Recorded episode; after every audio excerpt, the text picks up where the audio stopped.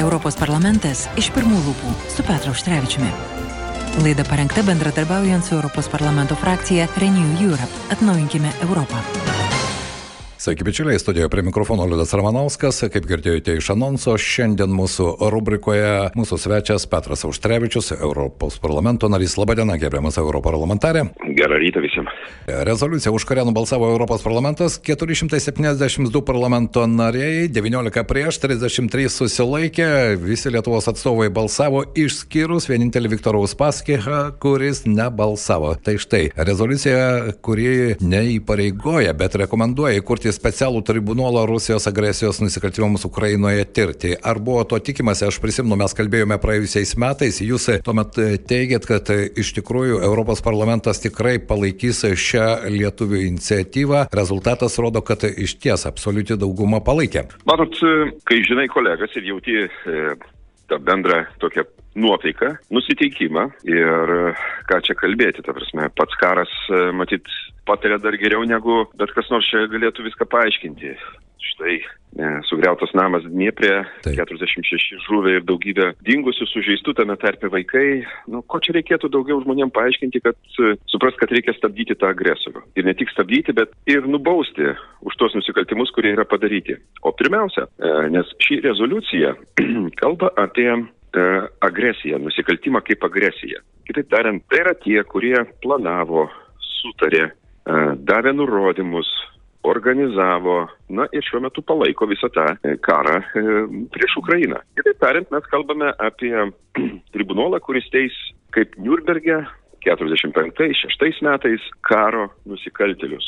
Tie, ne tik tie, kurie, kaip sakyt, žudė žmonės ar, ar žydus, ar, ar kitus antrojo pasaulinio karo metu, taip, bet tuos kurie priėmė tos sprendimus. Ir mes atsiminam tą, tuos visus aukščiausius nacijų e, lyderius ir pareigūnus. Kitaip tariant, ši rezoliucija labai gerai atitinka praeitų metų lapkričio mėnesio e, Europos komisijos vadovės pareiškimą ir paaiškinimą. Ir noriu pasakyti vieną, kad mes einame kartu su visom, kartu su visos ES institucijos viena linkme ir aš labai tikiuosi, kad mūsų nusiteikimai virs konkrečiais sprendimais. Kito dar reikia nueikti. Tarptautinis baudžiamasis teismas Hagoje, juk e, diskusijose ne, ne vieną kartą kartą buvo kalbama apie tai, jog karo nusikaltėliai turi sėdėti Hagoje, bet baudžiamasis teismas, jis šioje situacijoje, jis bejėgis, ar iš ties naujo tribunolo įsteigimas, tas tribunolas turės galimybę ir tuos įrankius patraukti karo organizatorius ir vykdytojus. Matot,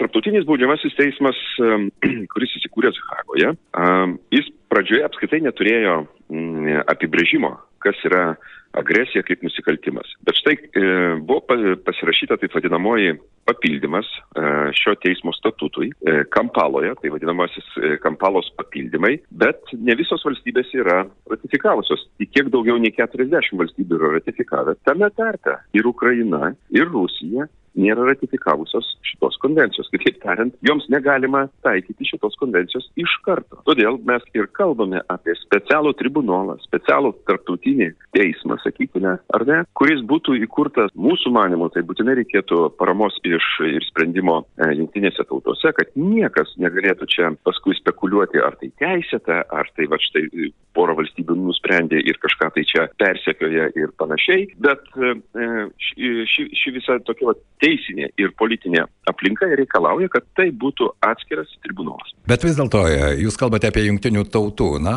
saugumo tarybą, kurioje Rusija sėdė ir vetuoja bet kokį sprendimą, kuris nukreiptas prieš ją. Jūsų nuomonė, ar įmanoma jungtinių tautų tam tikro palaikymo, juridinio palaikymo, jog tas karo tribunolas iš tikrųjų būtų legitimus, pripažįstamas visame pasaulyje, na ir jisai pradėtų veikti, nes nusikaltimų e, dešimtim tūkstančių jau yra užfiksuota. Iš tikrųjų, nusikaltimų netrūksta ir pagal e, jų skaičių ir apskritai mastą jau seniai reikėtų tokį tribunolą turėti ir e, jau turėtų vykti procesai. Matot, mes kalbame apie Jungtinių tautų generalinę asamblėją, kur du trečdaliai turėtų apsispręsti ir pritarti šitam e, tribunolui. Na ir mes tikimės, kad ir ES, ir vakarai apskritai sugebės įtikinti kai kurias viruojančias neapsisprendusias valstybės. Ne visas. Nu tikrai nepavyks, pavyzdžiui, tokios Baltarusijos e, balso gauti e, pritariant e, šitam sprendimui, nes mes patys pasakėme beje, kad Lukašenkos režimo tie visi vadovai irgi turėtų sėdėti tų nusikaltelių teisme.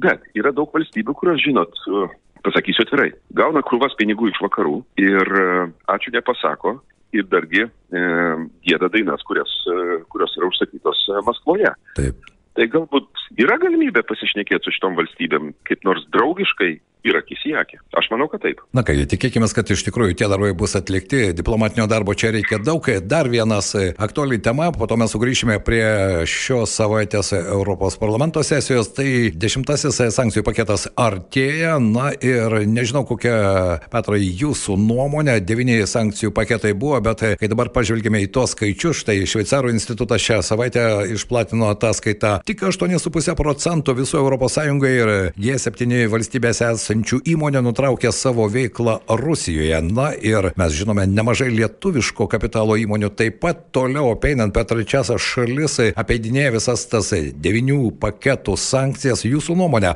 koks bus tas dešimtasis paketas? Ar jis bus sankcijos sankcijų apiejimui, ar vis dėlto jame bus dar kažkokie konkretūs dalykai? Aš labai tikiuosi, kad bus ir viena, ir kita. Kitaip tariant, bus uždaromos tos landos, kurios paliktos.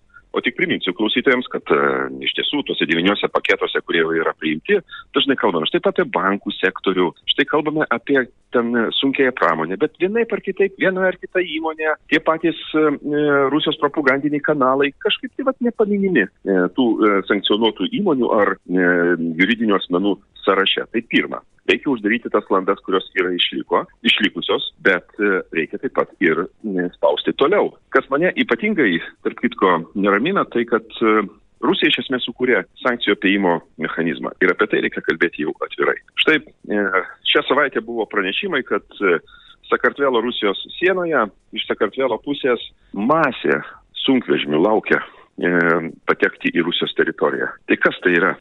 kas tai yra? Iš kur ta priekyba staiga atsirado tarp e, e, Sakartvelo ir, ir Rusijos? Iš kur ta e, 3-4 kartus išaugusi priekyba e, Vidurinės Azijos ir e, Rusijos? Kitaip tariant, e, Rusijos valdžia e, randa būdų įtikinti savo partnerius arba, sakykime taip, linkstančius juos suprasti ir bando peidinėti šitas sankcijas. Tai ES nereikia vien tik tai priminėti naujus sankcijų paketus, bet pilnai įgyvendinti jau jau esančias sankcijas ir labai rimtai pasikalbėti su tom aplinkiniam valstybėm. Beje, ne tik valstybėm, o ką daryti su verslo įmonėm? Štai ir Lietuvoje lygiai ta pati problema buvo diskutuojama apie tai, kad reikėtų galbūt viešinti tas įmonės, kurios ir toliau prekiauja, veža prekes ir e, tas importas iš įvairių šalių - Alžyras, Saudo Arabija, Indija, Egiptas, begalė tų tarpinių šalių, kurios netaikos sankcijas, taiga prekių srautai pradėjo plūsti ir į vieną, ir į kitą pusę. Jūsų nuomonė, ar yra įmanoma sukurti sukurti kažkokius įrankius, nes štai ir Lietuvos valdžia, ir premjerė sako, jog tai padaryti gana sudėtinga, muitinės e, specialistai irgi sako, kreipiame dėmesį, analizuojame, bet imtis kažkokių veiksmų irgi sudėtinga, viešinti tokių įmonių irgi negalima ir taip toliau. Tai ką daryti tokiai situacijai? Nepamirškime, kad mes turime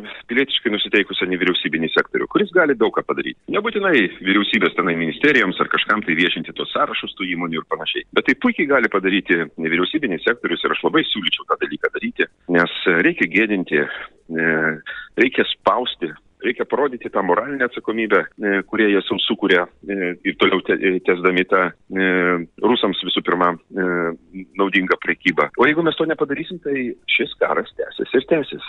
Ir tokius vat namų sugrevimus, nekaltų žmonių žūtis mes pastoviai registruosime kaip kokiam statistikos departamente. Tai reikėtų vis dėlto apsispręsti, kas yra kas ir galbūt vienu kartu sustoti prie tos lenkščio, kuris, na žinot, kurį peržengus kartais jau nėra kelio atgal. Taip, bet jau metai, netrukus bus metai ir be jokios abejonės šiandien 331 karo diena. Grįžtant vis dėlto prie Europos parlamento sesijos, kokie dar sprendimai buvo priimti, kas buvo svarstoma, kas yra aktualu ir Lietuvai, ir visai Europai. Ne vien tik tai Ukraina, be jokios abejonės, nes gyvenimas irgi toliau eina. Žinoma, gyvenimas toliau eina labai teisingai. Mums reikia spręsti ir ekonominius, ir finansinius, ir visos kitokius sektorinius klausimus. Vieną dalyką noriu paminėti, galbūt čia bus įdomu ir e, alitiškiams, ir tie, kurie klausosi šito radio. E, buvo priimtas, priimta Europos rezoliucija kaip reakcija į e, žmonių peticiją dėl vietos priekybos vadinamo fondo sukūrimo. Apie ką aš kalbu? Apie šimtas milijonų darbo vietų ES tai nėra kažkokios didelės transnacionalinės ar tarptautinės įmonės ir panašiai. Tai yra, sakykime taip, turgus, tai yra šeimos verslas, kuris užsijima štai prekybą vietoje, vietos žmonės vieni kitus pažįsta ir panašiai. Tokiams darbo vietoms išlikti, tokio neapibrieštumo sąlygom reikia papildomos paramos, galbūt palengvinti kažką, tai suteikti e, finansų ir panašiai. Tai štai mes priėmėme, mano manimu, rimtą rezoliuciją, tikiuosi, kad jinai virs į konkrečius veiksmus. To reikia. Lietuvoje irgi labai daug e, darbo vietų sukurta, vat, būtent tokio vietos verslo pagrindų. Ir aš manau, kad e, geriausios patirtis, kurios kitose valstybėse yra ir apskaitai ES mastu, prisidėtų prie va, tokio ir pasitikėjimo didinimo valdžia ir ekonomikos stiprinimo. Taip, tai yra geras sprendimas. Geras sprendimas. O pinigų suma kokia gali būti skiriama tam? Na, nu, liūdai, jeigu mes kalbame apie ES biudžetą, tai mes jau skaičiuojame milijardais. Taip. Galbūt netgi dešimtim, aš manyčiau, reikėtų kalbėti apie tuos fondus. Tarp kitko, ES fondus, fonduose yra rezervų, kur galima tikrai panaudoti pinigus dar ir geriau negu anksčiau. Bet va tokios e, iniciatyvos, aš manau, labai aiškiai reaguoja į tikrą poreikį, kuris yra, e, kaip sakyti, ant žemės, o ne kažkur tai danguje. Taip, čia aš sutinku, nes, na ir pačioje Europoje, be jokios abejonės, tas šeiminis biznis, ar ne, kai pati šeima susikūrė savo darbo vietas, įdarbina šeimos narius, na, į bet kurią Briuselio ar Strasbūrą Strasbūro kavinukę gali užeiti ir tu ten pamatysi, kad tai ypač nedidelės, kad tai yra šeimos biznisai, parduotuvėlės, na, begalė sferų ir iš esmės, na, kai kurie sako, jog tas šeimos biznis ir yra tos Europos e, stiprumo ir patvarumo stuburas, ant kurio laikosi jau visai, ir didžioji ekonomika ir taip toliau. Galima sakyti, to vidutinio sluoksnio atsiradimo pagrindas, tai yra pasitikėjimas, tas vat, stabilumas visuomenėje ir kas e, gali būti geriau, kai dirbi savo ir, žinoma, turi pasitikėjimą, kad e, į rytoj tavo verslas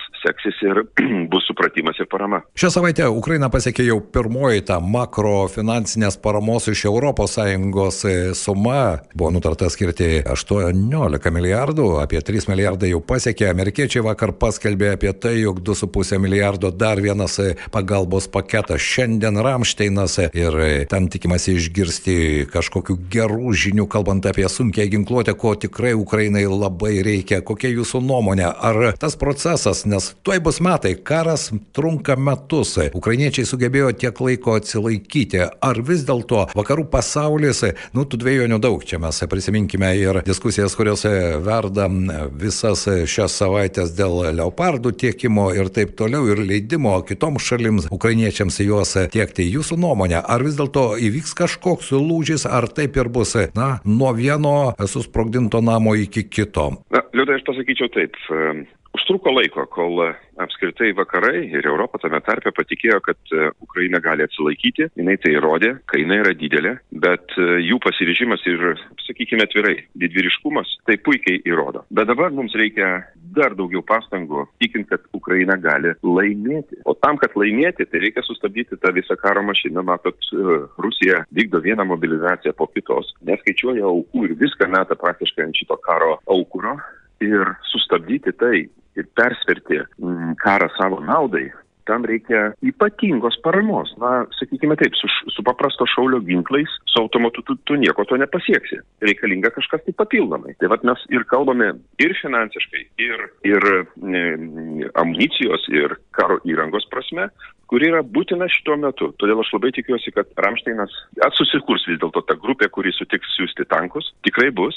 Bet jeigu Vokietija nepaklius į tą grupę, nu, aš nežinau, ta prasme, ta istorijos e, gėdos kepurė ant Vokietijos e, galvos, nu, žinot, aš net negaliu jau to komentuoti, kaip sakyti, neutralių balsų. Man, Supratau. Man, man ir jokinga, ir gėda. Taip, e, tai nebejoju, kad Europos parlamente jums tenka bendrauti su tais pačiais vokiečių europarlamentarais. Kokia jų nuomonė? E, Olafas Šolcas, jis praktiškai netgi ir šią savaitę klausimas tiesiai į kaktą, jis e, vengia atsakyti, o štai kokia Vokietijos europarlamentarų nuomonė, ar teko su jais bendrauti? Taip, žinoma, liūdai. Aš jums pasakysiu atvirai.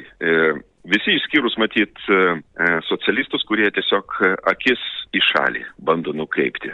Jiems, jiems gėda, ir jie neturi jokio pasiaiškinimo, suprantat. Jie liktai balsuoja už tą pačią rezoliuciją, o tarp kitko, Vokietijos socialistai balsavo už šitą rezoliuciją dėl tribunolo ir panašiai. Bet toliau žingsnio, ta prasme, iniciatyvos, to, e, tos reikalingos paramos jie, jie kaip ir ne, nesiūlo. Ar ne? Ir, nu, aš jau nekalbu apie AFD, kitaip sakant, tuos e, Taip. dešiniuosius radikalus ir kairę. Žinoma, ta vadinamoji kairė e, Vokietijos, tai reikia išgirsti, ką jie kalba, liūdai ir suprasti, kad jie taip ir nesuprato, kad, e, žinot, pasaulis taip pasikeitė ir mes vis dėlto norime e, ir laisvės, ir nepriklausomybės, o jie kalba kažkokiam tai marksistiniam frazėm. Kitaip tariant, e, tik socialistai, mano manimu, yra pasimetę ir įstigę būtent tame išalė, kuris dėja tebesilaiko Berlyne. E, teko girdėti ir mūsų eterėje e, pokalbį su žaliųjų europarlamentaru, kuris, na, mano nuomonė, labai kategoriškai ir aiškiai išreiškė ir jų pačią poziciją, ir jo savo asmeninę poziciją, ir ten jokių dviejonių nebuvo. Bet grįžtant vis dėlto prie rezoliucijos balsavimo, 19 pasisakė prieš. Kas tie 19? Tai yra tie europarlamentarai, kurie turi tokias sąsajas su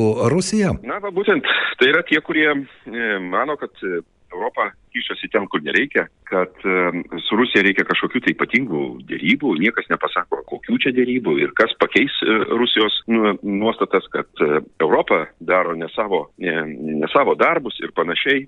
Tai yra iš, aš jums pasakysiu atvirai, būtent ta dešinė, tai yra italų, prancūzų dešinieji Le Pen partija e, ir matot, kokia jinai pavojinga, ta prasme, tokiais skirtiniais balsavimais. Jeigu jie turėtų daugumą, mes būtumėm gilioj bedoj, aš jums atvirai sakau. Ir žinoma, e, pasisakė tie vadinami nepriklausomi, o ten toksai, žinot, kaip, kaip kūdra, reiškia, tenai apsistoja visi tie, kurie netinka jau niekur ir labai dažnai tenai būna labai pavojingų elementų, reikia kalbėti atvirai apie juos irgi. Na ir pat, pati jau kairioji, kur vilčių apie jų pakeitimą matyt turėti neverta. Aišku. Na ir e, Viktoras Uspaskich. Jis iš viso nedalyvavo šiame balsavime, kiek supratau. Aš tik nežinau, tiesą sakant. Man atrodo, Viktoras Uspaskichas laikosi tuščios kėdės principo ir apskritai gal posėdžiuose nelabai kaip pasirodo. Na štai. Iš esmės, e, ko gero, tie europarlamentarai, kurie atstovauja mūsų šalį Europos parlamente, na, nežinau, bet e, pastarojų metų apie juos mes girdime vis mažiau ir mažiau, ypatingai apie tam tikrą jų dalį, ką jie ten veikia, sunku pasakyti. Bet nebejoju, kad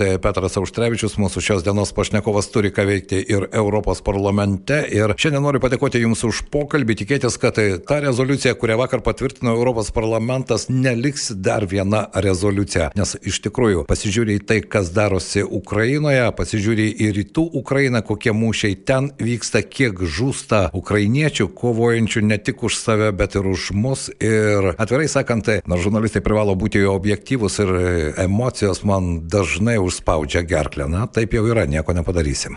Tiesa. Ačiū Jums šiandien už pokalbį Ačiū. ir belieka palinkėti geros dienos. Mūsų pašnekovas buvo Europos parlamento narys Petras Auštrevičius. Mūsų tradicinėje rubrikoje aš tikiuosi, kad mes iš tikrųjų išgirdome ir konkrečią situacijos vertinimą, kasgi dabar darosi Europos parlamente. Na, o ten, kaip matome, labai skirtingų nuomonių. Buvo ir tokių, kurie balsavo prieš Europos parlamento rezoliuciją dėl specialaus karo nusikaltimų tribunolo. Europos parlamentas iš pirmų lūpų. Super Petru Auštrevičiumi.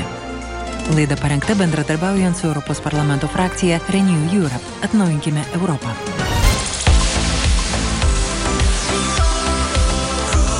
Per 30 metų daugybė įvykių žmonių, naujienų, nuomonių. Alitaus radijas FM99. 30 metų. Grojame ir kalbame jums.